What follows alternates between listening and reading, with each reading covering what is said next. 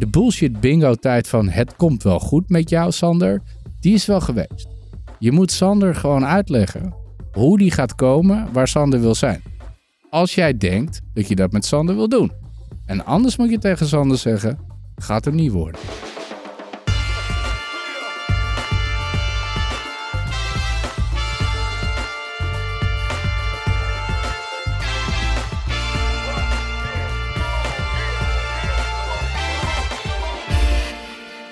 Hallo, goedemorgen, goedemiddag of goedenavond wanneer u dit ook luistert. En welkom bij de Brief, de podcast over content, marketing en media. Vandaag is het 10 februari 2020, afleveringetje nummer 65 alweer. Aan mijn linkerhand een uh, waarde vriend en collega. U kent hem, Matthijs Tielman. Hallo. Hallo.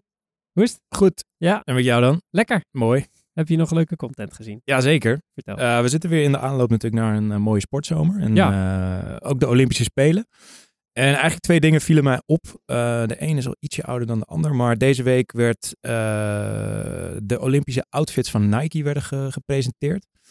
Um, nou ja, los van alle spullen waarvan iedereen natuurlijk weer wat harder gaat lopen en wat makkelijker gaat scoren, zat er ook uh, voor het skateboarden zat er outfits bij. Voor het eerst een Olympische sport. En daar hebben ze ja, toch Nederlands trots Piet Parra voor gevraagd om de designs aan te leveren. En dat zijn echt hele vette shirts geworden. En de waar, Piet Parra? Ja, ja, dus voor Brazilië, voor Frankrijk en voor Team US uh, heeft hij shirts ontworpen. Super tof in zijn eigen bekende stijltje. En ja, ik heb toch altijd het beeld van me van atleten die gewoon in iets te grote trainingspakken een beetje rondschokken op zo'n toernooi. En dit is wel echt uh, ja, next level stuff. Dus uh, complimenten aan, aan Nike daarvoor. Check ze zeker even uit. En daarnaast dus kwam ik de posters tegen die ontworpen zijn voor de, de Olympics uh, in Tokio. En wat ze hebben gedaan is ze hebben gewoon Japanse kunstenaars posters laten ontwerpen. Dus in plaats van één super slick ontworpen logo van het toernooi zijn er nu uit mijn hoofd twaalf verschillende officiële posters. En die lopen echt uiteen van uh, manga-artiesten tot traditionele Japanse calligrafie, fotografen uit Japan. Dus dat is echt, uh, echt super vet en uh, ja, heel mooi gedaan en super origineel. Zat er eentje bij waarvan je zegt die uh, ja, eruit? Zeker. Er is er eentje voor de, de Paralympics, dus voor, de, voor de, de Paralympische Spelen. En ja, dat is een beetje zo'n Dragon Ball Z-achtig ontwerp van manga-kunstenaar, moet ik het even goed zeggen, Hirohiko Araki. Oh, die. En ja, wie kent hem niet? Nee, super vet gedaan. En, maar allemaal de moeite waard om even te bekijken. Tof. Ik las overigens daarop uh, inhakend dat Nike gaat stoppen met um, templates voor voetbalshirts. dus normaal gesproken maakten ze in principe gewoon maar zes shirts. En dan plakten ze nog andere kleurtjes op.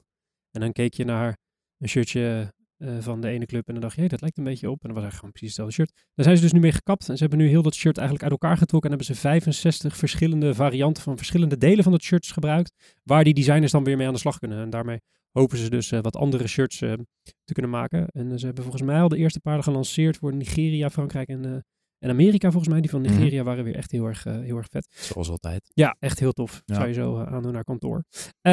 tof, leuk, vet. Check it out. Gaan we doen. Show notes. Uh, in de show notes, uiteraard. Um, bij ons zit een gast en dat is een hele bijzondere uh, dit keer. Eigenlijk altijd, maar deze is voor ons specifiek persoonlijk uh, extra bijzonder. U kent hem waarschijnlijk al als een van de mannen achter Result Recruitment, waar hij medeoprichter van is. Hij is daarnaast ook medeoprichter van Include Now. Dat is een organisatie die zich inzet voor diversiteit in de media en de marketingwereld. Zit daarna in de raad van advies voor raw advertisers. richten onlangs ook nog eens Upgrade toe. upgrade moet ik zeggen. Wat dat is, dat gaat hij straks zelf vertellen. We hebben het over vriend van de show, want het is de tweede keer dat hij bij ons is.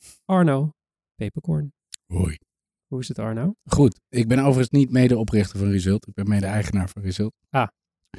Nee, anders wordt René gek. Hij heeft het echt zo bedacht. Sorry René. Uh, nee, ja, dat geeft niet. Dat kan niet hebben. Hoe is het met je? Ja, goed. Ja? Ja, heerlijk. Weet je hoe lang het geleden is dat je hier het gast was? Um, ik denk een jaar of drieënhalf. Ja. Ongeveer. Bijna tot op de dag drie, drie jaar geleden. Ja? Ja. ja. ja. Afleveringje nummer 7. En wat zijn jullie gegroeid? Ja, we hebben een iets wat comfortabelere studio. Dat, dat, de luisteraar ziet dat natuurlijk niet. Maar we zaten toen jij uh, bij ons te gast was in een soort, uh, nou letterlijk het, het jassenhok van Wayne Parker Kent uh, op de Herengracht. Inmiddels hebben we de, daadwerkelijk een studio met schermen en lampen die aanstaan als er wat wordt opgenomen. En gordijnen die je dan dicht kan doen en dan een podcast kan opnemen. Of, minder muizen. Minder muizen, denken we. Of het kantoor is gewoon groter en we zien ze minder vaak. Dat, dat zou ook kunnen. Ja. Dus er is een hoop gebeurd, ja. Ja, ja. knap. Ja. La- Hoe zit het met jouw podcastgewoontes? Want dat is normaal altijd de vaste startvraag van dit, eh, van dit gesprek. Destijds eh, was je volgens mij nog niet heel bedreven in het eh mediumtype. Maar Eh, nou, nou ja, ik ben gewoon een oude man. dus ik moest er allemaal een beetje aan wennen. Maar ik ben door de brief wel podcast gaan luisteren. En, en ik moet eerlijk zeggen dat ik wel beperkt ben in mijn podcast luistergedrag. Want ik zit vooral in de brief. Dus ik luister Ja. graag naar jullie. Ehm, en als er een, een soort van awardshow is, dan, dan, eh, dan word ik altijd weer eh, gegrepen om andere podcasts te luisteren. Maar ik luister de brief en, eh, en Dipsaus. die gemaakt wordt door een, door een aantal dames met veel passie. Waar gaat het over? eh, nou, nou, Dipsaus be- belicht eigenlijk mensen die ongezien zijn in media. Dus zijn, zijn een drietal vrouwen die dat maken. Er is een hoop kritiek geweest op, op de subsidie van, van de podcast, omdat die gemaakt wordt door drie niet-witte vrouwen. Eh, die de, de wegen van de subsidieaanvraag hebben bewandeld om, om dat ding te kunnen maken. Maar die gaat over diversiteit en die gaat over het, het, het zien en ongezien zijn in, eh, in media, reclame en marketing. Dat is, een- vrij kritisch, eh, kritisch, maar ik vind kritisch positief eh, ding. En onlangs zat ik in een podcast van, van een jongen die heet Doris. En Doris die is op, op zoek naar een nieuwe baan en die, en die kan hij niet vinden. Eh, en is een oude radiomaker. En die dacht, weet je wat ik ga doen? Ik ga gewoon een podcast maken van het, van het feit dat ik mijn baan niet kan vinden. Dus die is verschillende mensen aan het interviewen waarom het hem niet lukt om zijn baan te vinden en waar hij zelf mee worstelt. Dus hij, hij, hij legt de schuld ook niet bij een ander, maar bij zijn eigen worsteling. En dat vond ik heel tof, want hij combineert waar hij goed in was, namelijk radio maken, eh, met moderne technologie en, en modern denken, namelijk kwetsbaar zijn en, en, en, en mens zijn. Hoe heet die show? Eh, eh, eh, Doris op zoek heet het volgens mij, of Doris, zoek, Doris zoekt baan heet het. Shout-out, Doris. Zit in de show notes. Ja. Gaan we straks verder over praten, over diversiteit, wat een, een stokpaard van je is. En, eh, en alle mooie dingen die je aan het doen bent bij Result. Maar zoals u eh, als luisteraar ook in aflevering nummer 65 van ons gewend bent, gaan we eerst even naar het nieuws. En ook in aflevering nummer 65 gaan we het hebben over drie nieuwsitems die de media- en marketingwereld in zijn of haar ban hebben gehouden. We trappen af met een nieuwe campagne. Een recentelijke campagne gelanceerd door ING eh, onder de titel eh, Do Your Thing of Waar je ook voor gaat, Nederlandse titel. Eh, daar hoorde een commercial bij die klinkt als volgt. Hey, weet je wat ik zag vandaag? Mensen die doen waar ze echt blij van worden. Met passie. Die hun eigen weg volgen. En hun hart laten spreken. Ze waren zo enthousiast dat het aanstekelijk was. Dus doe wat je het liefste doet. Want dat, dat verandert alles.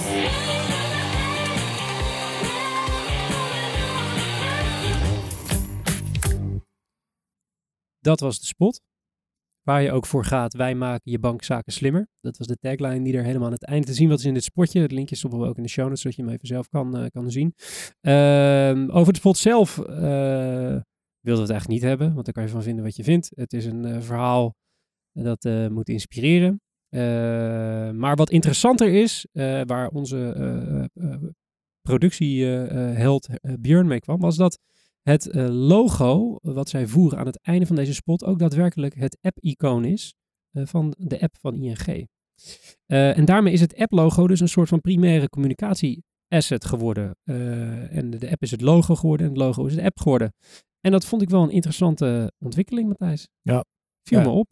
Ja, het is natuurlijk al heel lang aan de gang dat de bank, zoals we die vroeger kenden, is weg. Filialen zijn er nauwelijks meer. De bank zit gewoon in je broekzak.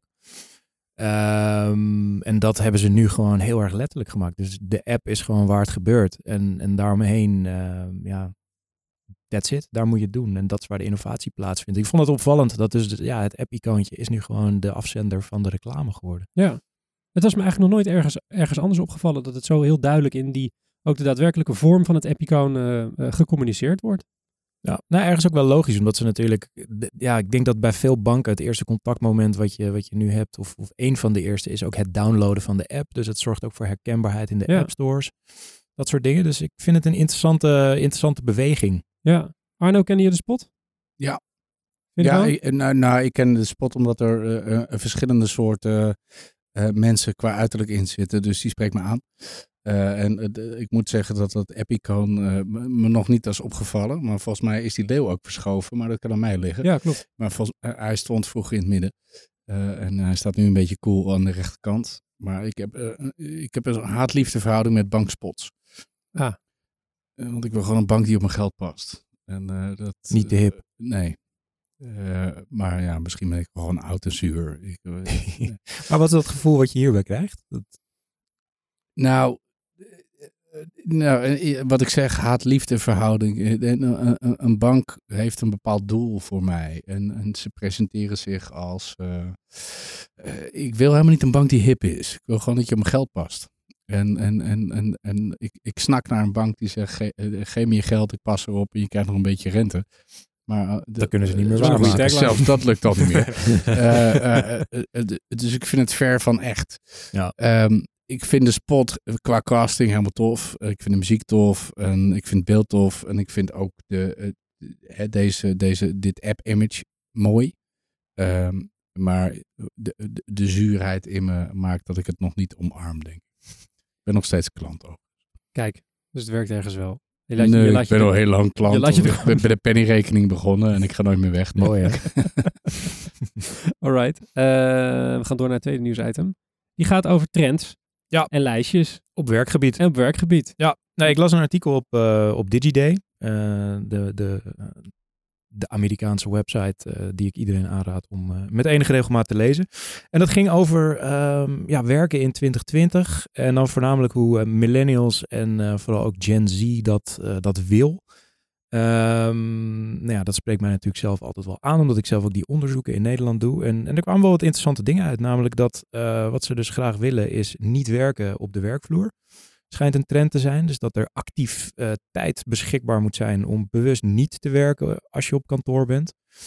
Ehm, omdat dat goed is om te detachen en, en dat je daardoor productiever wordt. Ehm, nou ja, dan is er nog de, de side hustle die erg belangrijk is. Dus iedereen... Voor de mensen die nu luisteren en die denken, we, gaan ze rappen. Wa- wat is een side Een hustle? side hustle. In die heb Janneke taal. Dat is een, eh, een bijbaan naast je gewone baan. Ah ja. En dat wordt voornamelijk eh, gedreven doordat iedereen een Instagram-account heeft en sommigen daarvan dat ook nog enigszins succesvol weten te vermarkten.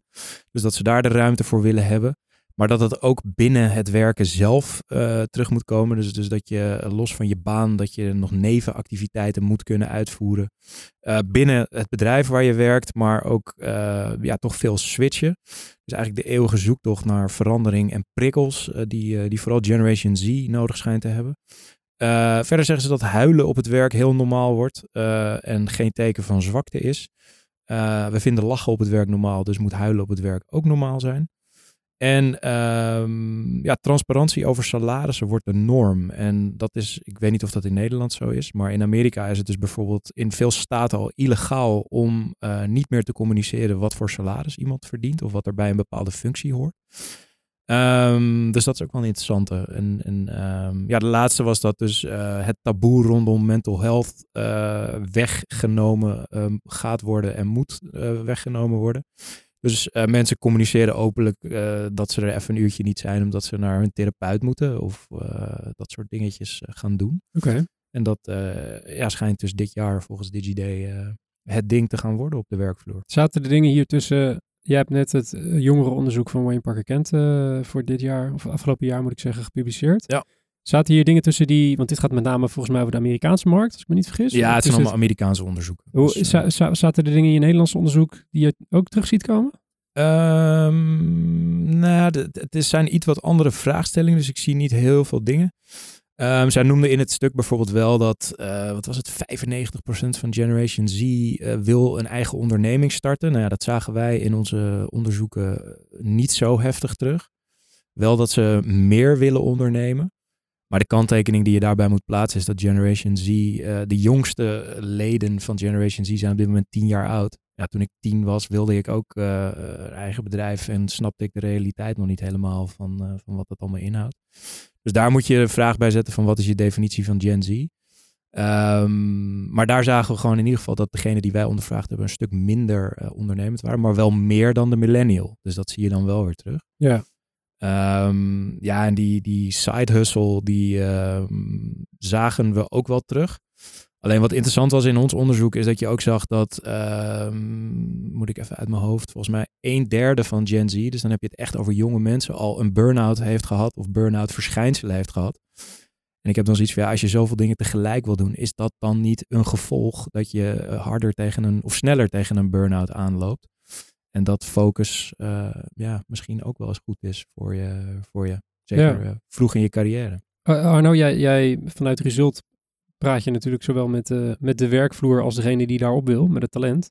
Zijn er hier dingen die je ertussen ziet staan in dat lijstje waarvan je zegt, he- hebben jullie dat nu pas door? Dit is wel iets wat heel erg lang speelt. Nou, in principe allemaal.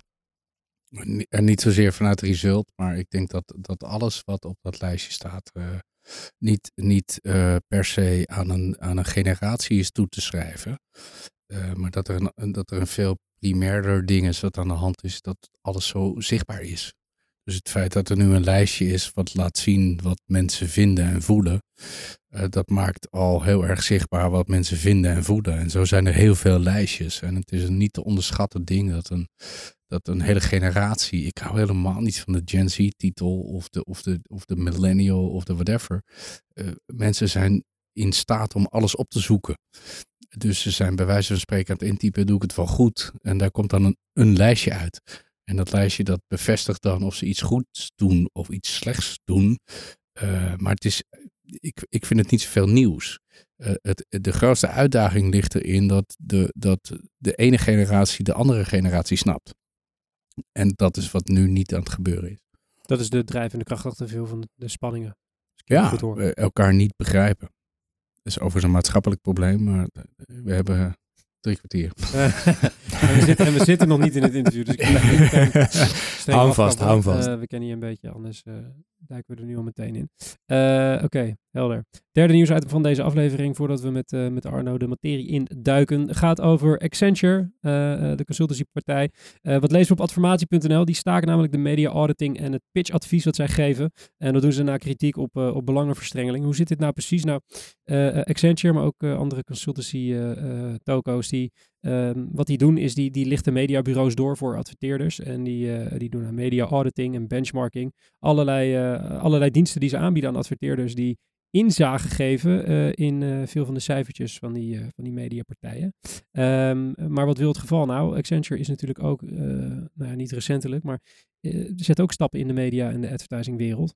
En dat levert hen dus een, een concurrentievoordeel op. Want ze weten wat er achter de voordeur van hun concurrenten eh plaatsvindt. Eh, er was al een tijdje kritiek op, eh, met name nam- namens de mediabureaus. En nu hebben ze dus gezegd, we stoppen ermee. Dus indirect zeggen ze daar ook mee, we gooien alle ballen op die advertising services en die media services. Zo zou je hem natuurlijk ook kunnen, kunnen lezen. Ehm, dat was een beetje de conclusie ehm, die ik wist te vinden, of die wij wisten te vinden. Arno, jij hebt de komst van Accenture dan denk ik in die zes jaar result zien gebeuren. Want dat is denk ik nu zo'n drie jaar à vier jaar aan de gang, als ik me niet vergis. Eh, die komst van de consultancy tenten eh, de media en de advertising in. Ehm, zien eh, Matthijs en ik dit goed? Dat ze zeggen, joh, die auditing, stoppen we mee en we gooien gewoon alle ballen op de advertising en de media biz. Nou, ze zoeken gewoon de weg waar het meeste geld te verdienen is voor ze. Het is niet iets van de afgelopen drie of zes jaar. Eh, de, de- die partijen, de, de, de, Accentures en de Deloittes lopen al, eh, al 20, 30 jaar over de vloer bij, eh, bij van al, alle handen mediabedrijven om analyses te maken en rapporten te schrijven. Daar zijn ze gewoon heel erg goed in. En het ding is dat ze een, een ander oor hebben dan een gemiddeld mediabureau. Wat overigens niks ten nadele is van het gemiddeld mediabureau. Maar het, het, is een beetje appels met peren. En ja, ik, dit, is een iets voor de bühne. Ze zien al lang al dat ze op een ander niveau ander geld kunnen gaan verdienen en kunnen gaan halen. Dus oké, dan stoppen ze met die auditing. Maar dat andere niveau is, is de creatieve units. Dat ze dus gewoon Ja, daar... zij, zij, zij praten met de CEO van een bedrijf, omdat ze diezelfde taal praten. In, in mijn optiek. Hè? En, en dat doen, die taal spreken ze al, al 20, 30, 40 jaar. Ehm, en, en ze gaan nu in pokertaal eh all in. Maar ze gaan wel all in wetende dat ze gewoon 28 azen in de handen hebben. Precies. Dus ja, ik, ik, ik- het was ook, dit moest gebeuren. En, en ze hebben het gezegd. En volgens mij heeft eh eh Gerard, de, de, de oprichter-eigenaar van Candid Group, heeft een heel interessant artikel over geschreven. Dus dat het, ja, oké, dat gebeurt. Het, het, is, het, het, het choqueert me ook helemaal niet. Ik vind het ook eigenlijk geen nieuws. Hoe, wat zou je, als we hem eens doortrekken, eh, als mediabureau hier tegen kunnen doen? Of is het gewoon iets, is die, Nou, strijd, denk is dat die het- strijd beslecht? Nee, helemaal niet. Kijk, een mediabureau, eh, ik doe dit nu een jaar of twintig. Niet zozeer result, maar werken in de media- en, en reclame-industrie. Maar een mediabureau is, eh, bijna, bijna elk jaar wordt het woord mediabureau wel gevolgd door, nou die bestaan straks niet meer. Ik denk dat dat niet waar is. Ik denk dat een mediabureau gewoon een keuze moet maken en moet kiezen om ergens het beste in te zijn. En, ehm, en dat er misschien een beetje veel zijn, nou dat kan. Eh, maar eh, er is een absolute rol voor het mediabureau weggelegd. En eh, als je iets anders gaat willen zijn dan dat je eigenlijk bent, dan denk ik dat je het niet gaat winnen. Als je de beste gaat zijn in wat je bent, dan, dan kun je overleven en gewoon prima centen verdienen. Ehm, en en ik, ik begrijp heus wel dat het een ingewikkeld pad is, want een mediabureau wil naar marketingadvies en sommigen willen naar, eh, naar, naar creatie. Maar dat is in basis niet eh, waarom een bureau ooit is opgericht en waarom het bestaansrecht heeft. Ehm, Maar kennelijk hebben ze toch die drift om te verbreden. De- Die, die komt ergens vandaan. Er staan natuurlijk marges onder druk. De- de- Het is Ja. reden waarom ze daar het geld gaan zoeken. nou ja, ja maar, eh, dat, is, dat is een beetje mensen eigen. Meer, meer, meer, meer, meer, meer, meer, meer, meer, meer, meer. Ga maar meer zoeken. En, en, en we moeten allemaal groeien met z'n allen. En nog meer groeien, en nog meer groeien, en nog meer groeien. Maar je kan ook gewoon zeggen, ik ben hier goed in. En hier ben ik de beste in. Het is niet een mediabureau, maar in Nederland het beste voorbeeld vind ik bijvoorbeeld de persgroep. Dat gewoon zegt van wij willen, wij willen gewoon het beste nieuws-mediabedrijf zijn. En wij willen de meeste mensen bereiken met, met onze content in Nederland. Punt. Dat is waar we voor staan en dat, daar ga, dat gaan we doen. Eh, die willen in één ding de beste zijn. En ik kan geen één bedrijf noemen wat niet eh groots is geworden met die filosofie. De beste zijn. Steve Jobs wilde de mooiste shit bouwen. Microsoft wilde de meest toegankelijke zijn. Nike wilde gewoon de vetste schoenen maken. En zo kun je, elk merk heeft, heeft zijn bestaansrecht opgehangen aan de beste zijn. En de beste willen zijn. En daar kun je allemaal dingen omheen bouwen. Ehm, maar ik vind dat een hoop mediabureaus zijn vergeten om in één, één ding de beste te zijn. En, en op heel veel vlakken de beste wilde, willen zijn. Ja, dan ga je het niet winnen. En hoe zou je dat omschrijven waar een mediabureau de beste in zou moeten zijn? Media inkoop. Kennis van de consument. Waar is de consument? Wat doet hij daar? En hoe kan ik zo goed mogelijk inkopen voor mijn, voor mijn klant, het merk? Dat is.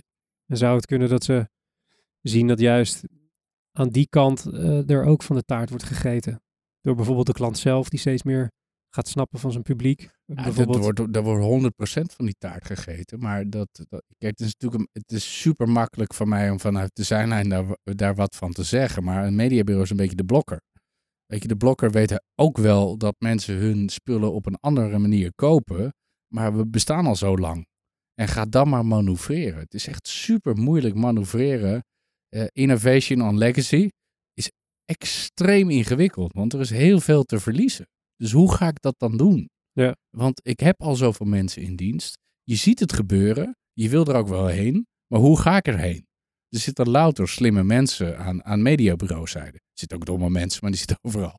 Eh, ehm, dus die weten heus wel dat, dat, dat het daar gebeurt. Maar hoe kom ik dan daar? Ja. Je kan niet in één keer je verdienmodel veranderen. Je kan niet ineens je urenmodel aanpassen. Je kan, dat, het is allemaal heel ingewikkeld, want je hebt te maken met een keten.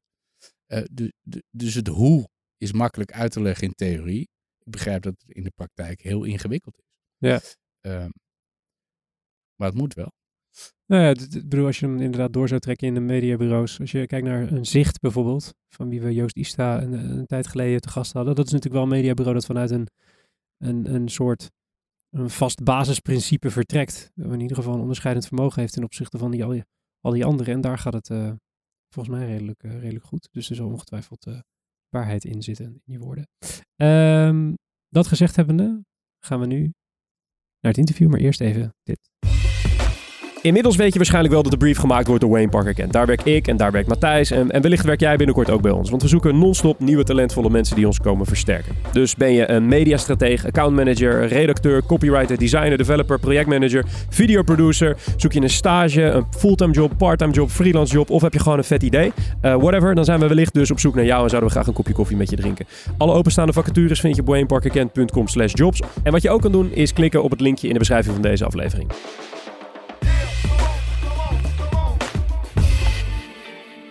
Arno Peperkorn. Tweede keer dat je hier bent. Hetzelfde vraag als de vorige keer dat je hier was, zo'n drie jaar geleden. Hoe is het bij Result Recruitment? Spannend. Vertel. Nou, ik denk dat drie jaar geleden zei ik echt volmondig eh, fantastisch. Eh, maar de branche waar wij in werken is, is, is spannend. Dus extreem veel beweging. En wij bewegen ons eh, op, op een van de belangrijkste lijnen in die branche, namelijk de mens. Ehm, en die beweegt ook mee en probeert dat maar te vatten en, eh, in een businessmodel. Dat is gewoon spannend. Ik Waar denk- komt die spanning vandaan? Eh, eh, heel veel vraag, weinig, weinig goede mensen. Ehm, eh, weinig transparante, transparante vraag en, en oude verwachtingen. Ehm, eh, wij zijn werkgever, stuur even wat mensen en we hebben een baan, dus die mensen moeten het wel willen. En, en werkgevers die niet beseffen dat diezelfde mensen de keuze hebben uit acht banen. in, in plaats van één. Eh, dus het is, het is ook geen negatieve spanning. Eh, het is meer de soort van de achtbaanspanning. Weet je, er, gebeur, er gebeurt shit. En, eh, en ik vind dat leuk. En wij vinden dat leuk. En, en, en Result is daar ook op ingericht om daarin in mee te manoeuvreren. Want we zijn klein. We zijn lean en we zijn en, mean en, en staan dicht bij de, bij de inhoud. Wat een vreselijke reclamepraatje is dit, maar wel goede Maakt zin. niet uit. Kom je maar. Ehm, maar het is spannend. Als je, als je, eh, ik kan me voorstellen dat er mensen zijn, nou, een paar, eh, die, die Result niet kennen. Ehm, neem ons eens mee door het team. Want je zegt net, we zijn niet heel groot. Ik kan me voorstellen dat mensen thuis denken, ja, maar hoe groot is dan de grootte van Result? Wat voor mensen zitten daar? Oh, we zitten met z'n achten. En, en we zitten met, met, met, met mensen die uit het vak komen. Ehm, en begrijpen wat, wat media inhoudt, wat reclame inhoudt, wat publishing inhoudt, wat, wat digitaal denken inhoudt. Eh, en, en, ook weer met mensen eh, die, die, die begrijpen wat hun generatie inhoudt. Dus we hebben net, net onze jongste jongen aangenomen, Teun. En die werkt een maandje bij ons. En Teun is 21. En die komt, komt van school af en die heeft bij ons in een andere tak van Result Upgrade een, een opleidingsprogramma doorgelopen. En we zagen die jongen bewegen en, en praten en zijn met mensen. Ik dacht van, ah, ik, wil, ik wil hem zo graag hier hebben. Want hij kan iets wat wij niet kunnen en wat we niet hebben. En hij is zo anders dan wij. Eh, en hij is zo leuk en toegankelijk. Ik heb zo'n, zo iemand nodig om, om aansluiting te blijven houden bij, bij, bij zijn mensen. Hè? 21, ik ben 43. Iemand van 21 wil echt niet met mij praten. Ehm, misschien wel een beetje praten, maar we snappen elkaar niet altijd even goed. En ik heb Teun nodig. Eh, en daar ben ik heel blij mee. Maar we zijn, we zijn klein en we kunnen manoeuvreren. Kun je dat al op die leeftijd? Teun wel. Ja? En, en, en, maar er zijn er ook mensen die het niet kunnen. Ik vind, ik vind talent. Moet ik even oppassen hoor. Want talent is niet per se leeftijdsgebonden of zo. Ik vind, het, eh, ik vind hem wel uitzonderlijk. In, in wat ik van hem zie. Maar dan ben, dan ben ik mijn eigen werk. Nee, hij krijgt, je krijgt geen loonsverhoging overigens. eh. Nee, ja, hij heeft pas naar een Ehm, baan, dan moet hij ja, blij even Nee, zijn. er zijn dan. weinig mensen die dit kunnen, maar het heeft te maken met levensloop en, en iemands competenties zien en, en, en zien wie iemand echt is. En dan kun je van een- iemand van 21 kan iets wat iemand van 35 nog niet kan. En andersom. Ehm, en dat, een van de meest eh, vergankelijke titels of geuzennamen die je in onze branche nu kan krijgen is talent. Want dat wordt vaak verbonden aan leeftijd. En heel veel mensen van 2, 3, 24 die zeggen van ja, maar ik ben toch het talent. Nee, je bent gewoon jong. En in die generatie heb je ook talent. Eh, dat, dat is wat anders. Maar je moet niet, niet jong verwarren met talent. Je, je, als je het over talent hebt, dan heb je het over iemand die ergens wil, gaan, wil gaan werken, vanzelfsprekend. J- Jij bent, oh, je staat ook in touch met de vragende partij, met de bedrijven. Ja. Wa- waar zoekt men nu naar? Overkoepelend. Wat voor type is in trek? Nou, over het algemeen, en dat, is- dat is misschien wel eh, eh, vervelend om dat te zeggen, maar over het algemeen zoeken ze nog eh, hetgeen wat ze de afgelopen tien jaar al hebben gezocht. Dus eh, eh, eh, er zijn nog steeds heel veel bedrijven die, die dezelfde functieprofielen nastreven als dat ze, dat ze die, eh, de afgelopen tien jaar hebben, hebben, hebben opgesteld. Die in dezelfde snelheid handelen van, van aanname van mensen als de afgelopen 10, 15 jaar. Eh, die, eh, in je intro had je het over sidejobs bijvoorbeeld. Nou, een van de meest gehoorde dingen die je terugkrijgt. Van ja, maar ja, jeetje, maar als Mohammed ook nog een, een Instagram pagina heeft waar die, waar die dingen op doet. Ja, hij moet wel kiezen. Of wij, of zijn Instagram pagina. Eh, Er zit best nog een hoop ouderwets denken bij, eh, bij partijen die mensen aannemen. Ehm, en, en dat, is, het is altijd moeilijk als ik dat zeg, want dan word ik weer in een hoekje geduwd te zeggen van ja, je hebt kritiek op ons aannamebeleid. Ehm, maar het nieuwe wetsdenken en het echt luisteren en het flexibel luisteren naar wat mensen nu willen. Je, sommige mensen willen geen vrij met kerst, die willen vrij met, eh met, eh, met Hanneke of zo. Eh, andere mensen willen geen pensioen, maar die willen een fiets. Het, contracten zijn ouderwets, aannames zijn ouderwets, sollicitatiegesprekken zijn ouderwets. Meest gehoorde ding wat ik terugkrijg is nog steeds, oh, het is alsof ik iemand, iemand zie zoals ik was, 15 jaar geleden. Die wil ik aannemen. Ja, dan denk ik, ja, je neemt jezelf nog een keer aan. Maar die heb je al. En wat doet dat met die nieuwe generatie dan? Zegt hij Oh, dan die van eh, de mazzel, ik ga wel wat anders doen? Nou ja, die, die, die, die, eh, eh, de, de, een hoop echte talenten, mensen die echt goed zijn, beginnen gewoon hun eigen ding. De, de, de jonge ondernemers beginnen, overal kunnen ze dingen beginnen. Weet je? Creatieve denkers en creatieve makers en contentmakers in, in onze industrie. Kijk, eh, eh, dus, dat is wel even een belangrijke zijstap. Hè? Als je een metselaar bent, eh, dan, dan, dan ga je ergens metselen. En dan kun je kiezen, ik word persoonlijk metselaar en ik koop een bus en ik ben, ik ben, ik ben Jan Jaap en ik ben metselaar. Maar als je vroeger, als je creatief iets wilde doen in de reclame-industrie, moest je bij een reclamebureau werken. Of als je films wilde maken, moest je werken bij een plek waar die hardware er was. Je, je kan nu een film maken met je telefoon. Eh, en er zijn ook weer bureaus op gestart. Hè. Bureaus als iForce bijvoorbeeld zijn, zijn gewoon gestart op gewoon het, hardware gebruiken en het heel makkelijk eh, eh, gebruiken om mooie films te maken. Dus er is bijna geen grens meer om je, creatief te, je creatieve expressie te laten zien. Dus ze gaan het of zelf doen. ehm, of ze gaan naar grote Amerikaanse partijen. en het daar doen. De wereld is gewoon kleiner voor die mensen. En dat is jammer, want wij verliezen daardoor wel aansluiting met talent. En met, met echt talent. Zijn er, wat je zei, ehm, ze doen, eh, die grote partijen die doen eigenlijk al tien jaar zoeken naar hetzelfde profiel. Ze zijn daarin eigenlijk niet veranderd en missen daardoor de boot met dat nieuwe talent. Ehm, ze- ze- dat is natuurlijk moeilijk, want het zijn allemaal ingesleten handelswijzen en HR-afdelingen die al jarenlang hetzelfde werken en die processen zijn allemaal ingesleten. Zijn er grote partijen die jij ziet eh, die de omslag hebben kunnen maken? Ik snap dat een start-up die is helemaal in touch met dat nieuwe talent, want dat is ook door dat nieuwe talent opgericht. Die snappen hoe ze zo'n HR-proces moeten inrichten. Eh, maar is er een grote legacy-speler die wel, zeg maar, die twist heeft kunnen maken, dat jij weet? Ehm. Eh, eh, nou ja, ik, ik denk dat WPP een hele goede poging aan het doen is. Eh er zitten een aantal mensen die, eh, die begrijpen hoe je anders naar mensen kan kijken, hoe je anders afdelingen kan inrichten, hoe je mensen centraal kan stellen. Ehm, Hoe, hoe, doen, ze dat, hoe doen ze dat concreet? Eh, nou, door, door intern cursussen neer te zetten. Dat gaat over diversiteit, inclusiviteit, eh, eh, kwetsbaarheid, benoemen van, van not the obvious ones. eh, ehm, Maar dat is meer om de ouden dan de nieuwe wereld in te brengen. Nee, nee, ik vind, ik, ze, ze doen echt wel een, een, een echte effort om het, om het samen te brengen. Ze zijn ook echt kwetsbaar. En ik wil niet, ik vind het ingewikkeld om, om labelnamen te noemen, maar eh, eh, ik mag hele mooie gesprekken voeren met leiders binnen dit bedrijf. Met, met, met directeuren binnen dit bedrijf die, die er open over zijn. En die er echt een, echt een dialoog over willen, willen voeren. En die ook kwetsbaar kunnen zijn en durven zeggen van ja, het is ons ook nog niet aan het lukken of zo, maar we willen het wel heel erg graag. Ja. Eh, en, en, en dat is volgens mij het begin. Want anders dan, ja, dan kom ik nu in een modus waarin ik ga bashen waarom het nog niet lukt. Maar dat is veel te makkelijk van de zijkant. Ze doen echt een effort. En, en, en eh, heel simpel voorbeeld. Ik kan directeuren binnen WPP bellen en zeggen... Ik heb eh, Maria en Maria is volgens mijn talent. Mag ze een keer met jou praten? En dan doet de directeur de deur open. En dan mag Maria een keer praten. En dan komt ze een keer langs. En dan gaan ze het er echt over hebben. En die kan ook echt een baan daar krijgen. Op basis van het talent van Maria.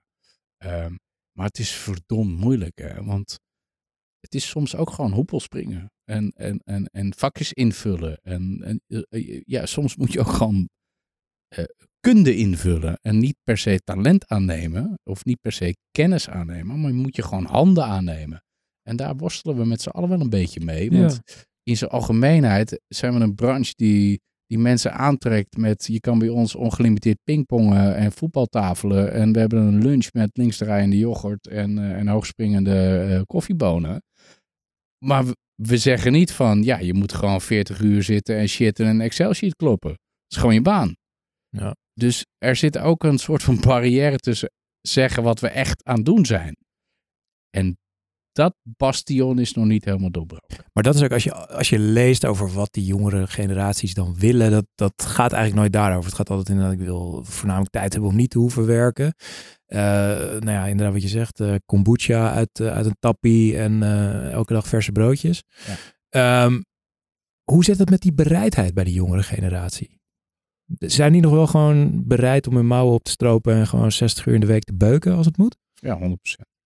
Nee, maar daar heb ik geen enkele twijfel over. Maar eh, de, de, de jongere generatie platslaan op de, titel, op de term jongere generatie is al bullshit. Eh, als in het probleem, en volgens mij heb ik dat, hebben we dat net ook al gezegd. Het probleem is dat die twee generaties elkaar niet meer snappen. En dat ze ook niet meer een soort van brug willen slaan om, om het met elkaar ergens over te hebben. Weet je, het is, het is de, de, de oude directeur die zegt van ja, maar vroeger deed ik dit en dit en dit. Dus jij moet dat dan ook kunnen. Terwijl, weet je, toen ik als mediaverkoper begon, had ik een telefoon op mijn bureau staan. Op mijn bureau. Ik had hem niet in mijn broekzakken. En het was een telefoon. Het was niet, niet een ding waar internet op zat. Het was gewoon een telefoon. Met knopjes. Ja, echt. Eh, Nee, niet eens knopjes. Ik moest gewoon die shit draaien. En, en dan kon ik bellen. En dan als ik klaar was en wegliep, dan hoorde ik de telefoon niet. Ik schakelde hem ook niet door naar mijn huis. Ze konden me thuis niet bereiken. Ze konden helemaal nada. En ik kon ook niks met hun. Dus ik was ook klaar met werken. En de huidige generatie is eigenlijk nooit klaar met werken. Want die telefoon staat niet op je bureau, die zit in je zak. Die gaat altijd over. Als je klant belt en je neemt niet op, dan appt de klant. En dan heb je, he- heb je blauwe vinkjes. En die blauwe vinkjes die mag je niet uitzetten, want je moet wel laten zien dat je bereikt bent. Als je dan niet daar hebt gereageerd, dan vindt de klant je wel op Instagram. En dan ziet hij de. Je snapt waar, weet je, ik kan hier lang over doorgaan. Je bent nooit meer echt, echt, echt los van je werk. Dus het, het, het psychologische ding wat er nu gebeurt, dat mensen zeggen van ja, maar ik wil gewoon ook kunnen ontspannen op mijn werk. Dat, dat had mijn vader ook. Die wilde ook ontspannen op zijn werk. Maar die kon ontspannen op zijn werk. Maar nu zitten we in een omgeving dat ontspannen freaking ingewikkeld is. Want je zou maar die creatief zijn die die campagne hebt gemaakt van ING. En dan luister je naar de brief en dan zit er zo'n snotneus als ik hier te zeggen dat die vindt dat banken alleen op je geld moeten passen. Heb je gewoon urenlang werk ingepompt, zit je lekker ontspannen op de bank, heeft weer iemand kritiek op je werk. En, en ja, klinkt misschien een beetje old-fashioned. Twintig jaar geleden kon je gewoon die kritiek even gewoon even niet horen. Je, je kon even niet. Het was makkelijker om uit te gaan. En nu ben je altijd aan. En als we dat niet snappen met elkaar, zonder kumbaya, eh, ingewikkeld eh, meditatie, yoga sessies te doen, wat ik overigens iedereen kan aanraden, eh, ja, dan zijn we elkaar een beetje kwijt aan het raken. Ja, dus, dus eigenlijk wat je zegt is je, dat, dat grote bedrijven zich moeten beseffen dat hun greep op hun werknemers dusdanig bewust, onbewust dan wel bewust is vergroot. En dat ze daarom maar moeten toelaten dat hun potentiële werknemers wat meer grip proberen terug te krijgen in de vorm van deze additionele wensen. Is dat wat je... Ja, ik denk dat, dat de, begeleiding van, de begeleiding van de communicatiemiddelen in het nu voor je werknemersforce en voor je werkgeversforce essentieel is. Dat je elkaar uitlegt wat wat is. Eh, heel, heel makkelijk voorbeeld. Mijn dochter is acht En die wil op Instagram, dan kan ik twee dingen doen. Ik kan dan zeggen, je mag niet op Instagram. Of ik kan er uitleggen wat Instagram is en wat het met haar psyche kan doen. En, en, en wat er gebeurt in haar leventje als ze daar, daar is. Omdat mensen iets van haar vinden. Eh, en ik vind juist dat werkgevers en werknemers, en zeker oud en nieuw als generatie, eh, eh, drijf, op het vak educatie elkaar veel meer moeten durven vinden. Eh, en, en veel meer in kwetsbaarheid naar elkaar moeten durven uitspreken. Ik snap geen reet van je. Ik begrijp je niet. Ik, ik, ik weet gewoon niet wat je zegt. Ja. Eh, weet je, even, dat, dat zou. Maar hoe kan ik je helpen? Wat, wat heb jij nodig? Nou ja, wat, wat, wat heb jij nodig? En, en, en, en die dialoog die moet op gang komen. En er zijn een aantal werkgevers die dat doen. Ehm, en er zijn een aantal werkgevers die het kopen. Hey, we raakten er net ook even aan dat eh burn-outs natuurlijk veel voorkomen. En, en bij de jongere generaties eh, ook heel veel. Ik zal niet per se zeggen vaker, maar het is gewoon een, een eh, onderwerp wat vaker besproken wordt. Ehm, is dat ook iets wat, wat jij terugziet? En zou je denken dat de oorzaak daarvan ligt in het feit dat je nooit meer uitstaat? Ja, nou 100%. Ik, ik vind het schrikbarend om te zien hoeveel, hoeveel jonge mensen in een burn-out komen. Ehm, en het- ik heb ze niet geturfd, eh, maar, het, maar het is echt wel heftig. Ehm, en, en, en waar mensen mee struggelen, eh, kan ik niet loskoppelen van, van zichtbaarheid. Even buiten het feit dat, dat depressie en je depressief voelen een soort van laatste taboe bastion is in, in, in onze samenleving. Wat, want dat, daar wordt er gesproken alsof het, alsof het een soort van ingegroeide teennagel is of zo. Maar dat is gewoon echt wel een ziekte. En dat is een heftige ziekte. Eh, ehm, die is alleen niet zichtbaar. Ehm, maar niet gezien worden in, in, in, in je werk en niet gehoord worden door je werkgever. eh, en, en eh, in een soort van red race zitten, dat is waar wel onze, onze jongere generatie nu heel heftig in zit. Ehm, en er wordt vaak lacherig over gedaan. En er wordt dan gezegd van ja, maar dat was in onze tijd toch niet anders. Die, zichtbaarheid en die lat en de toetsbaarheid van je leven is gewoon extreem intens. Weet je, al gaat het al om de schoenen die je draagt. eh, of het salaris wat je verdient. Of, of, of hoe, hoe, eh, welke functietitel je moet hebben. Of waar je zou moeten zijn in je carrière. Het is, alles wordt zo gemeten en langs een lat van elkaar gelegd. Ja, dat, die, die, die burn-out is bijna onvermijdelijk. En dat is- Het, het, het zorgt het soms wel eens voor een soort van eh, een moreel vreemd gebied voor jou als recruiter. Want jij, jij ziet de in- en uitstroom van mensen mm, bij bedrijven. Ik kan me voorstellen dat je daar misschien wel een beetje aan kan aflezen welke plekken er burn-out gevoelig zouden kunnen zijn. Daar moet je vervolgens dan weer waarschijnlijk iemand plaatsen, als dat een klant van je is bijvoorbeeld. Ja. Is dat, is dat een, een eh, nou, niet een moreel ding is misschien een beetje zwaar ge- gezegd, maar is dat iets, kan je, kan je een werkplek herkennen als zijnde burn-out gevoelig? Of, of werkt dat niet ja, zo? eh, nou ja, een, eh, een werkplek niet, maar wel de combinatie werkplek-individu. Die, die kun je wel herkennen als, als moreel gevoelig. En ehm, dat maakt ook, kijk, wij zijn geen massa recruitment bedrijf. Dus ik heb nog nooit een, een, een kandidaat naar een, een klant gestuurd zonder dat ik de klant ken en de kandidaat ken. Eh, dus wij weten welk mens achter het cv zit. Ja. Eh, en zullen dan ook. Ik heb gesprekken met kandidaten die weg willen, bijvoorbeeld, waar ze zitten. Eh, en ja, blijf vooral zitten waar je zit, want dan zit je echt hartstikke goed. Eh, ik heb kandidaten gesproken die zeggen: Ik wil daar werken. Ze van daar, daar pas je helemaal niet, want ik ken jou. Dus ehm, ik voel, wat je zegt, voel ik absoluut. Ik voel een morele verantwoordelijkheid. Als ik die niet zou voelen, zou ik de dubbele omzet draaien, denk ik. Eh, dus dat is de lijn die we moeten, moeten bewandelen. En, en waar onze verleiding zit als ondernemer. Want ja, eh, eh, je kan hem ook loslaten, die morele verantwoordelijkheid. En wij kiezen ervoor om dat niet te doen.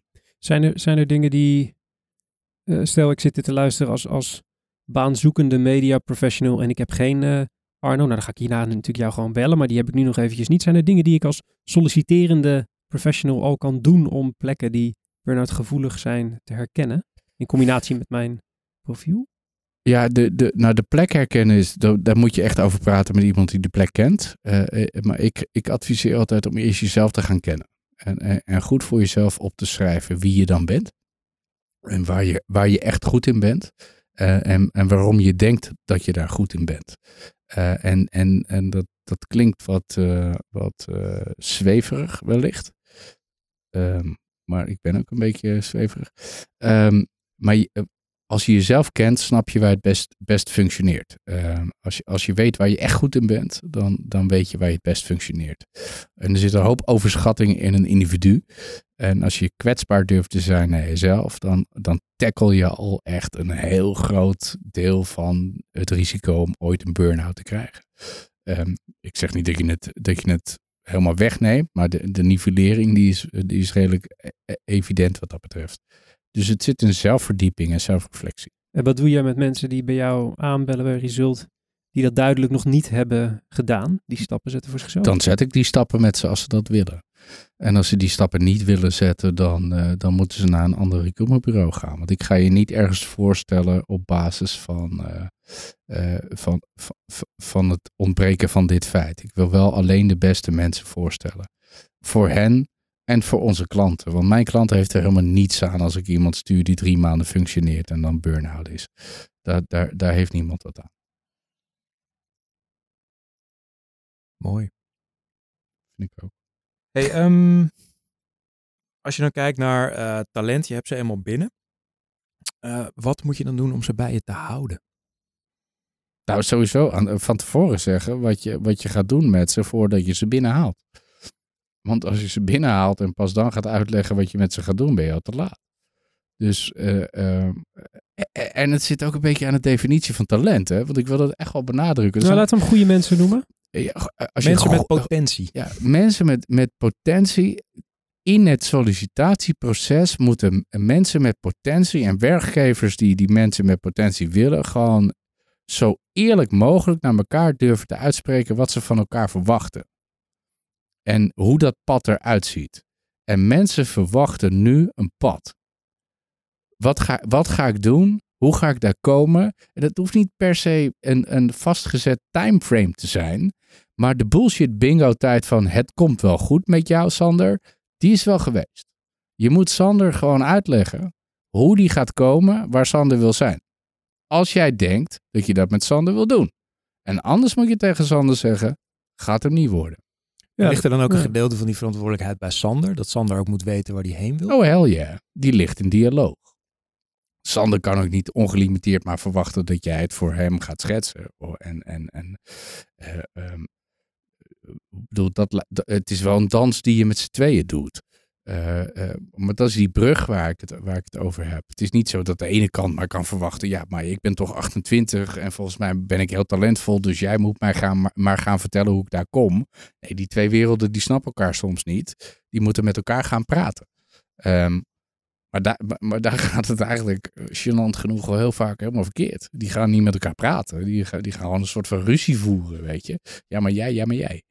Als je echt met elkaar wil werken, Sander en Sandra, dan, dan, moet, je, dan moet je snappen wat je van elkaar wil. En dat, dat, is, dat is een beetje tijd investeren in, in dat pad schetsen met elkaar. Ja, en misschien ook al dan in, in het sollicitatieproces ervan uitgaan dat iemand wellicht wel al na een jaar weg is als dat pad afgewandeld is. Dat is wat het is. Want al ergens, tenminste, ik, ik meen toch wel dat sommige. eh, Siri komt er heel even tussendoor. Siri werkt eh, nooit als je het wil en altijd als je het niet wil. Gek. Eh, ehm, dat, dat veel bedrijven wellicht zoeken naar een bepaalde vorm van loyaliteit. Ja. En, en dat loyaliteit per definitie niet iets is dat de werkzoekende nu meebrengt. Die gaat er niet vanuit dat die ergens heel lang gaat zitten. Nou, maar wat is je definitie van loyaliteit? De, de, eh, de- mijn definitie van loyaliteit is dat je, dat je mij nu geeft wat ik van je verwacht. En, en andersom. Loyaliteit uitdrukken in, in tijd is, is volgens mij een hele rare definitie. Dus als je tien jaar blijft, ben je loyaal. Ja, nee. ja, houd toch op. Weet Nee, je. Je kan mediabedrijven noemen waar mensen al 40 jaar werken. En dan werken ze 40 jaar en dan zijn ze loyaal. Dat zijn echt de grootste ratten die je in je organisatie hebt. Die zijn negatief, die zijn overal tegen, die willen eigenlijk niks, die houden verandering tegen. Dat is niet loyaal, dat is nep. Nou, Dat is gewoon lang zitten, is ik- geen talent. Ik bedoel je loyaal meer als eh, ehm, een bepaald onbepaalde tijds verwachtingspatroon bij de werkgever. Snap je wat ik bedoel? Dus dat iemand ergens instapt en dat ze bijvoorbeeld dan niet in hun achterhoofd hebben dat diegene wellicht al een eindpunt heeft bedacht. Ja, maar die loyaliteit is naïef. naïef. Die Ja. eh, loyaliteit moet per definitie eh, wederzijds zijn. En de tijd dat een werkgever loyaliteit kan opvoeren ten, ten aanzien van een werknemer, die is echt wel geweest. Want een werkgever is ook niet loyaal. En zeker niet in ons vakgebied. Kom op, laten we, laten we gewoon eerlijk zijn. We, we, we, we, we leven in een creatieve media-industrie. Wij hier, de mensen die naar de brief luisteren. Er zal ergens misschien een, een vrachtwagenchauffeur ook meeluisteren. Ik hoop het. Nou ja, eh, tof. What up? Eh, maar onze branche heeft het gewoon niet makkelijk. Punt. Dus hoe kan de een nou uitspreken: ik wil dat je loyaal bent naar mij, terwijl we helemaal niet weten waar we over twee jaar zijn? We hebben geen flauw idee, man. Loyaal is nu. Nu naar elkaar. Nu elkaar aankijken, zeggen we gaan nu met elkaar werken en elkaar beter maken en het beste uit onze relatie met elkaar halen. Dat is loyaliteit. Loyaliteit uitdrukken in verwachting van tijd en je moet bij me blijven. Ja, dat is net zo nep als in je, in je huwelijk zeggen dat je eeuwig trouw blijft. Ik heb het ook gedaan. Ik ben het ook.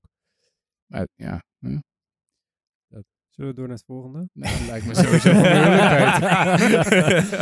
ik red je wel. Ehm, eh, goed, eh, kijk, eh, iedereen die jou een beetje kent of volgt, weet dat diversiteit naast eh, recruitment, nou dat gaat bijna hand in hand. Bij jou als eh, leidende thema's in, eh, in, in wie je bent. Diversiteit is iets waar je heel erg hard voor maakt, openlijk ook over uitspreekt. Twitteren doe je iets minder fanatiek dan, dan volgens mij de, aflevering dat je hier voor de eerste keer zat. Maar je spreekt je vaak uit over, over diversiteit en de dingen die je, en inclusiviteit en de dingen die daarbij eh, mee bezighouden. Waar komt die, die, die, die drang of die, waar komt dat vandaan bij jou persoonlijk? Oh ja, de opbouw. Eh, nou ja, uit mijn totale ergernis aan oneerlijkheid. En ik, hou, ik vind het heel erg dat mensen eh, de wereld bezien vanuit ik vind dit, dus de rest van de wereld moet dat ook vinden. Dat is heel groot. Eh, maar er is een bepaalde ongelijkheid. En die ongelijkheid heb ik, in, heb ik in mijn levensloop mee mogen maken. Dat is een cadeautje. En het komt uit mijn liefde van. Voort uit mijn liefde voor hip-hop. Waarin ik veel, veel muziek heb geluisterd. Waarin de, de ongelijkheid benoemd werd. En daar ben ik naar op zoek gegaan, et cetera, et cetera. Ehm, maar inmiddels zit ik te kijken naar. eh, er zijn twee dingen. Mijn, mijn passie voor ongelijkheid en mijn ergernis aan het gebrek aan ongelijkheid op persoonlijk niveau, die laat ik even terzijde. Eh, want dat wordt een heel lang verhaal. Vaktechnisch vind ik het gewoon die ongelijkheid stupide. Want wij moeten als, als branche. Onze branche draait om het verkopen van producten aan een, aan een groep mensen. eh, de bevolking de consument, hebben we dat met z'n allen genoemd. Als je niet de taal van de consument spreekt en niet de reflectie bent van wie er in je land leeft, eh, spreek je per definitie uiteindelijk de verkeerde taal. Eh, en dan ga je het verkeerde beeld laten zien, dan ga je de verkeerde woorden gebruiken, dan ga je de verkeerde muziek gebruiken, dan ga je de verkeerde intonaties gebruiken. En dan ga je gewoon een hele groep mensen ga je niet meer aan je merk durven te binden of aan je, aan je titel durven te verbinden. En dan sla je de plank mis. Hoe mis is het in onze business? Bij, i- i- in, Nederland? Ja. het, is niet, het, is, het is niet best. Eh, weet je, wij, wij zitten in een, in een fase dat, eh, dat eh, diversiteit is, is wel een woord waar we het over willen hebben met elkaar. Maar dat, dat diversiteit is een soort van vinklijst. Weet je, ik ga even door mijn organisatie heen. Nou, ik heb er één met één arm. Ik heb eh, Mohammed, die is volgens mij moslim. Ik weet niet helemaal zeker. En, en, en, Jean-Jacques, die is dan homoseksueel. We, we hebben iemand met een hoofddoek. Nou, we hebben, nou we, goh, wat zijn wij divers. Maar Jean-Jacques, Mohammed en die ene met die ene arm, die moeten wel precies hetzelfde doen als wat wij twintig jaar geleden hebben bedacht. Inclusiviteit gaat over mensen in je organisatie zien en hun krachten omarmen en die krachten in, in werk stellen om zo mooi mogelijk en zo goed mogelijk en zo vet mogelijk werk te maken. Dus ik, en wij zitten in Nederland nog in een fase van diversiteit. Eh, en we zitten ook heel erg in een fase, merk ik, maar dat is NS1 van, daar heb je hem weer. Je hebt het al een keer, je hebt het al een keer gezegd, eh, in mijn geval Arno, je hebt al een keer gesproken dat diversiteit belangrijk is. Kun je nu alsjeblieft je mond houden? Maar het Waar komt niet, dat vandaan, denk je? Ja, angst, het, het, het, loslaten van, eh, van, eh, van wat, met, wat, wat, men kent. Ja, Kom maar, ik, het mooiste voorbeeld hebben we toch gewoon het afgelopen weekend gehad. We, we, we gaan een gebakje anders noemen. De fucking moorkop gaat een roomsoes heten. Of weet ik veel wat voor namen eraan geven. En, en de, de helft van Nederland is helemaal in de war. Hou op met me gewoon. E- e- e- Echt, er zit iets diep gewortelds, ingewikkelds in ons. En ik denk dat we, eh, eh, dat we, we hebben het zo goed in dit land. Zo goed. En er zijn zoveel machtspatronen die dat, dat, dat, dat goede niet willen loslaten. Dat, we vinden het allemaal een beetje eng. Dus aan de ene kant vinden mensen het eng. En aan de andere kant zijn mensen van, yo, wij hebben gewoon een stem. Dus we maken onze eigen shit. En ze bewijzen het zelf wel. Ehm, en ook daar is die brugfunctie, die geldt daarvoor. Hè. Die brugfunctie is hetzelfde als tussen talent en jong en oud gearriveerd. Eh, eh, zit, zit ook in het spectrum van elkaar zien voor elkaars krachten en, en, in, in in- en de diversiteitsdiscussie. Omarm nou eens waar iemand goed in is. En durf eens naar elkaar te luisteren in plaats van je eigen waarheid in het midden te zetten. Maar eh, ik denk, zou het ook. Je, je noemt het angst, hè? Waarom, waarom het niet gebeurt en waarom er tegen jou bijvoorbeeld wordt gezegd. Daar heb je hem weer en je hebt het al gezegd. Dan zou het ook onmacht kunnen zijn. Dat men gewoon niet weet waar ze moeten beginnen en hoe ze moeten beginnen. Om van diversiteit naar, zoals jij noemt, inclusiviteit te komen. Ja, daar is ongetwijfeld ook een deel van. Maar kijk, met Include Now proberen we eh, ehm, ehm, mensen te begeleiden op de weg van onbewust onbekwaam naar bewust bekwaam. Je hebt ook mensen die bewust onbekwaam zijn. Die, die moet je lekker laten. Ja, die zijn niet te redden. Dat, dat, dat zijn, eh, laat me maar gewoon het woord een keer zeggen, gewoon voor de fuck of it.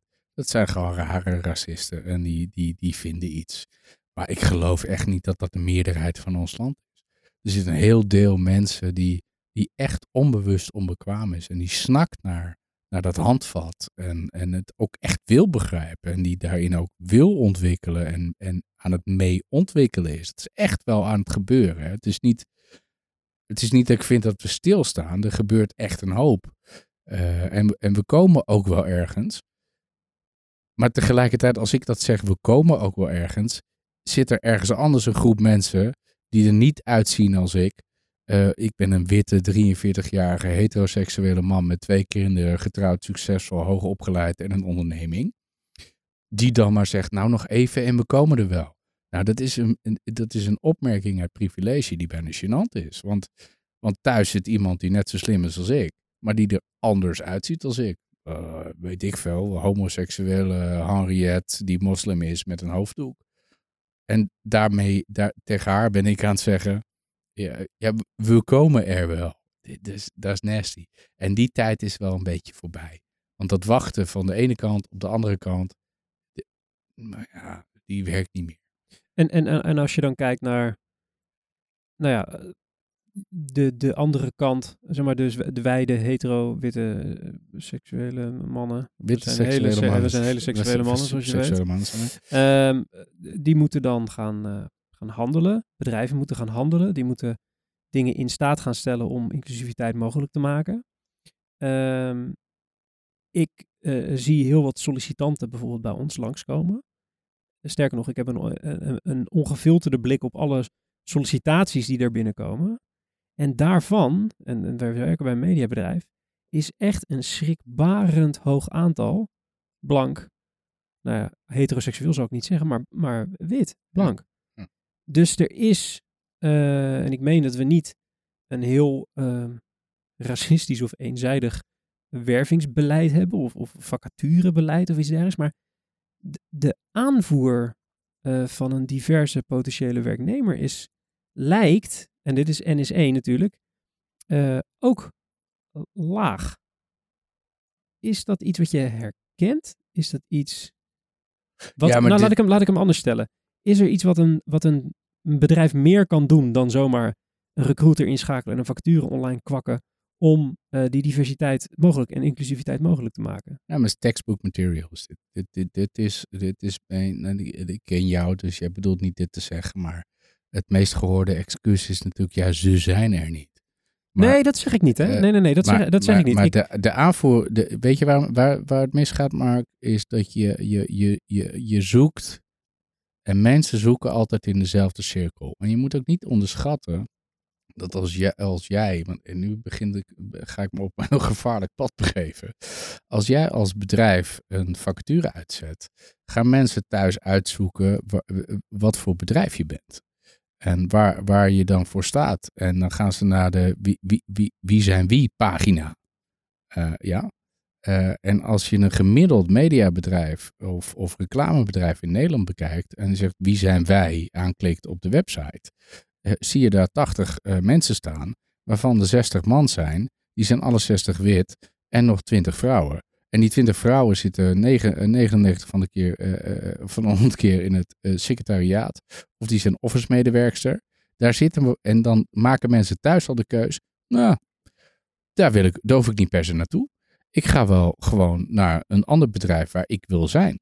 Eh, en waar ik gezien word en gevoeld word. En ik, eh, ik kan een, mooie anekdote vertellen. Ik- En, en die, die vertel ik wel vaker, maar hij is nog steeds heel legitiem. Ehm, ik- heb een, een, een, een, vrouw mogen begeleiden in haar carrière. Ze was 29, een heel, heel begenadigd strateeg. Ze werkte bij een reclamebureau. En toen zij ouder werd, zei ze op een gegeven moment: Ik ontwikkel me in mijn geloof. Eh, en zij was moslima, een Marokkaanse vrouw. Eh, ze zei: Ik wil mijn, mijn hoofddoek voortaan gaan dragen naar mijn werk. En Toen, zei ik: Nou, dan, dan, dan doe je dat toch? Eh, toen zei ze: Ja, maar ik werk nu al twee jaar waar ik werk. En ik hoor al twee jaar. eh, wat, wat tof dat jij niet zo'n Marokkaan met een hoofddoek bent, maar dat je vrijdenkend bent.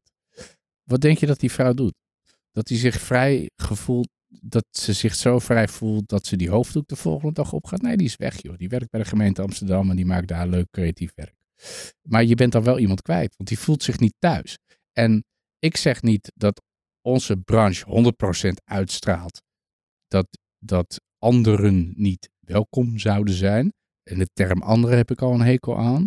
Maar we doen ook niet echt ons best. Nee, Wat- nee, maar wat dat was, kunnen we daar, doen? nee, ja, dat, daar draaide mijn vraag ook om. Want ik, ik, ik vind het een mooie anekdote. Ehm, eh, maar dan, dan die anekdote gaat over een plek die van dus blijkbaar niet heel welkomend is naar mensen die anders, nou ja, je, rot woord, maar die niet voldoen aan de standaard die dan heerst binnen dat bedrijf. Maar wat doe je als bedrijf dat snapt dat diversiteit belangrijk is, ook een diverse workforce wil en die invloeden wil en die ideeën wil hebben, maar waarbij, nou ja, de aanvoer eh, er niet is. Je zegt zelf al, dan zoek je op dezelfde plekken. Maar wat zijn dan de andere plekken? Nou ja, kijk, die aanvoer die kan ik zo regelen. dat is het probleem. dat, is, dat is punt niet.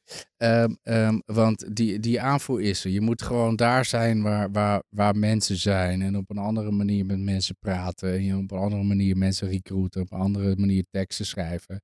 De moeilijkheid zit hem in dat echt te laten landen.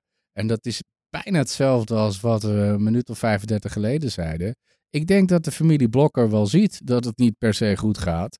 En ik denk dat- een hoop mediabedrijven wel zien van shit, ik moet andere mensen aannemen. Maar je hebt 100 mensen in dienst, maar je hebt ook maar 100 FTE op je PNL staan. Dus het is niet zo dat je er even 20 uit kan stoppen en die, eh, of duwen en de 20 anderen kan aannemen. Dus hoe ga je die innovatie laten plaatsvinden op legacy? Ik weet niet, dat, dat is een moeilijk debat. Maar dat is je deur openstellen en het kwetsbaar en open voeren. Waarom lukt het een, een, een, een mediaplatform en een nieuwsplatform als One- OneWorld 100%? 100%. Want dat, er is geen, geen inclusiever, diverser mediaplatform dan OneWorld als OneWorld. Is gewoon gelukt. Maar dat is nieuw gebouwd. Is in het, nieuw, in het nu Mhm. gebouwd. En eh shout-out naar jullie bij Wayne Parker Kent. Jullie zijn als Wayne Parker Kent extreem inclusief en divers geweest vanaf het begin. Ja, wel, ja. wel heel jeugdig, maar daar zat, daar, dat, eh, daar zat natuurlijk in dat dat zo is. ja, dat komt waarschijnlijk door de leeftijd van het bedrijf. Ja. Dat denk ik dat, denk ik dat dat het is. Maar op het moment dat dat bedrijf onderdeel wordt van een ander bedrijf, word je ook op een andere manier gepercipieerd door, door jong talent. Ja. En- ja, ik denk dat dat in ons geval, om even daarop... Ja, dat is moeilijk natuurlijk. Nee, oh nee, nee, want nee, je kan hier gewoon vrijheid over spreken. Ik eh, spreek overigens niet namens de HR-afdeling, maar eh, puur NS1. Is dat vanaf de buitenkant niet te zien is dat wij onderdeel maar uitmaken van een ander bedrijf. We hebben een aparte vacaturesite, we hebben een aparte voordeur. Eh, dus in basis zou eh, ehm, dat niet, niets veranderen aan de diverse karakters van ons bedrijf natuurlijk, of diverse uitstraling van het bedrijf. Nee, maar ik denk dat dat naïef is. Want iedereen weet dat je onderdeel bent van een bedrijf. Dus dat, dat, dat, dat heeft gewoon per definitie invloed. Maar dat, dat, dat, dat, maakt niet uit. Maar je, je, je, je ergens thuis voelen en gezien voelen en gehoord voelen. Dat, ik weet niet per se of dat lukt binnen de huidige mediabedrijven. En, en, en, en Amerikanen en Amerikaanse mediabedrijven hebben er een hele mooie podcast van gemaakt. Maar dat is ook een beetje Amerikaans. Ja. Eh, hè, als je daar de kantine in gaat, dan staan er gewoon 88 verschillende gerechten. En dan kun je halal eten, dan kun je dit eten, kun je dat. Dus er is in ieder geval de illusie geschapen dat, dat iedereen daar, daar, daar thuis mag zijn. Of het echt is, is nog, een, is, is nog de vraag. Maar het echte ding is, het hoeft niet meer. Ga je toch je eigen ding bouwen.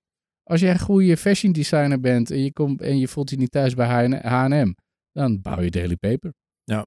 Ik, noem, hè, ik weet niet Ja. of die, ooit bij, bij, of die jongens ooit bij H&M hebben gesolliciteerd, maar je snapt wat ik bedoel. De, de, de laagdrempeligheid van je eigen, eigen ding doen en je eigen ding maken is gewoon is, is evident op dit moment. Wo- Wordt die wens naar een diversere workforce wel eens door een, eh, eh, door een werkgever bij jou als recruiter neergelegd? Ja.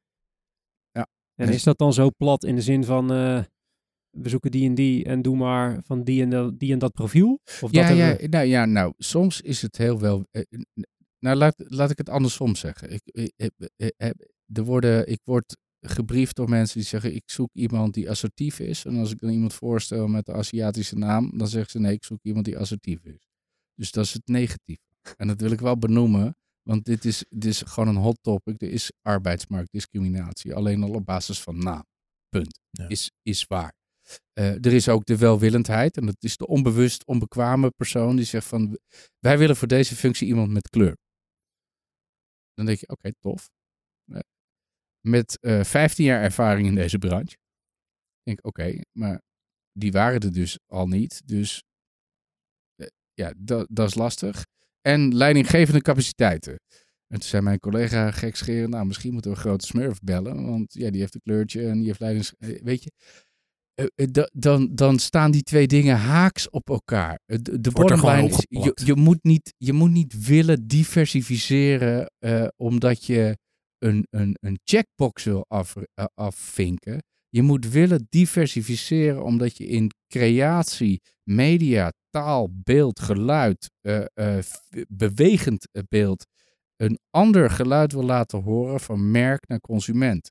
En dat zonder inclusief denken en zonder diversificatie je dat geluid niet gaat laten horen en je dus nooit het beste werk voor je klant oplevert. Je moet niet iemand aannemen op basis van kleur, maar altijd op capaciteit. Maar de kans dat iemand met een bepaalde culturele achtergrond of een bepaalde sekse een ander, eh, andere denkwijze heeft of een andere blik op de wereld heeft, die wordt vergroot. Hou op met je eigen spiegelbeeld aannemen, maar neem juist iemand aan die je nog niet, niet hebt. En dat begint bij die HR-organisatie die in kaart gaat brengen wie de fuck hebben we nu eigenlijk zitten. En het is schrikbarend hè, als je, als je echt kritisch door een organisatie heen gaat, hoeveel gelijkdenkende mensen je hebt zitten.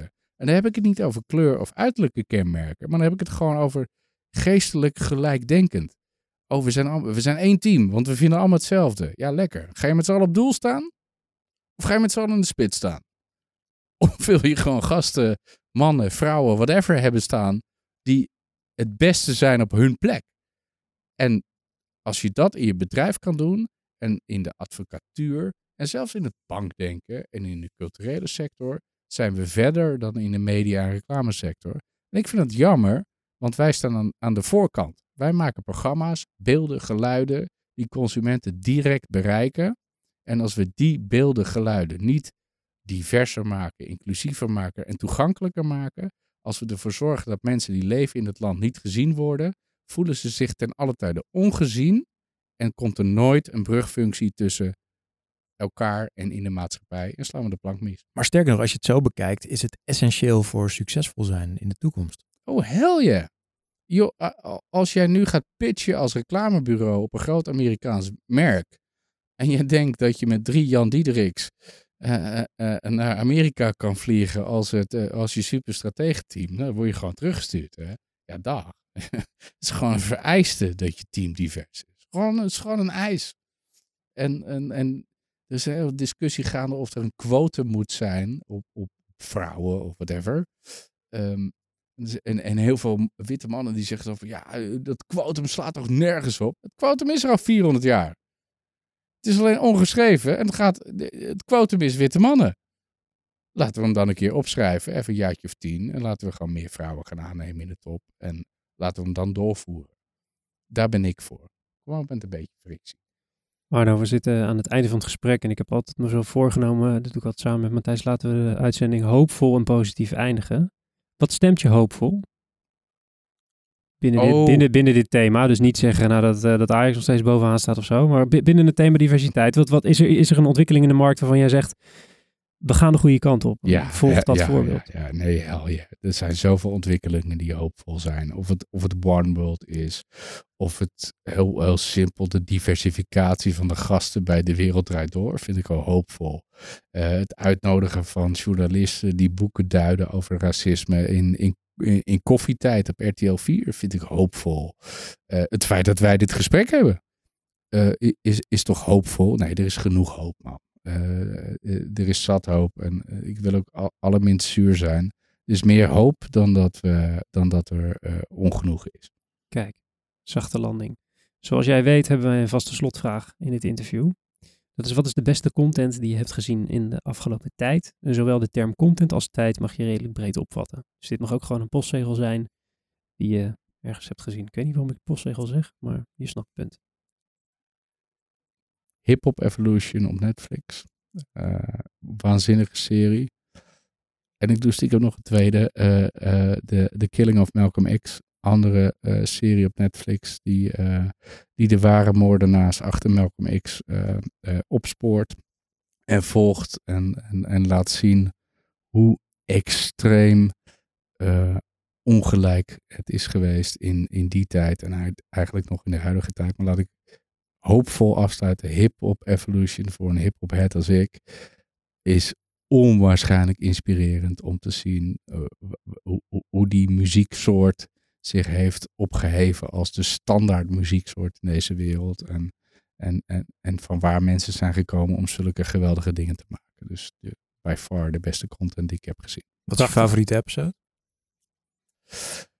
Ehm, nou, ik denk eigenlijk de laatste episode, waarin ze, eh, deel 4 gaat meer over de achtergrond, dus producers, eh, waarin ze, waarin ze in, in, in het zuiden op zoek gaan naar de distributiestromen van, van hip-hop, waarbij de macht achter, altijd lag bij de platenmaatschappij en waarin uiteindelijk ze laten zien dat de boundaries van macht doorbroken worden door zelf een claim op de distributie te leggen.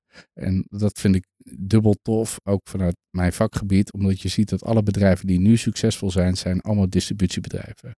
Netflix, Uber, het zijn distributiebedrijven. Het zijn geen taxi- of contentbedrijven, het zijn distributiebedrijven.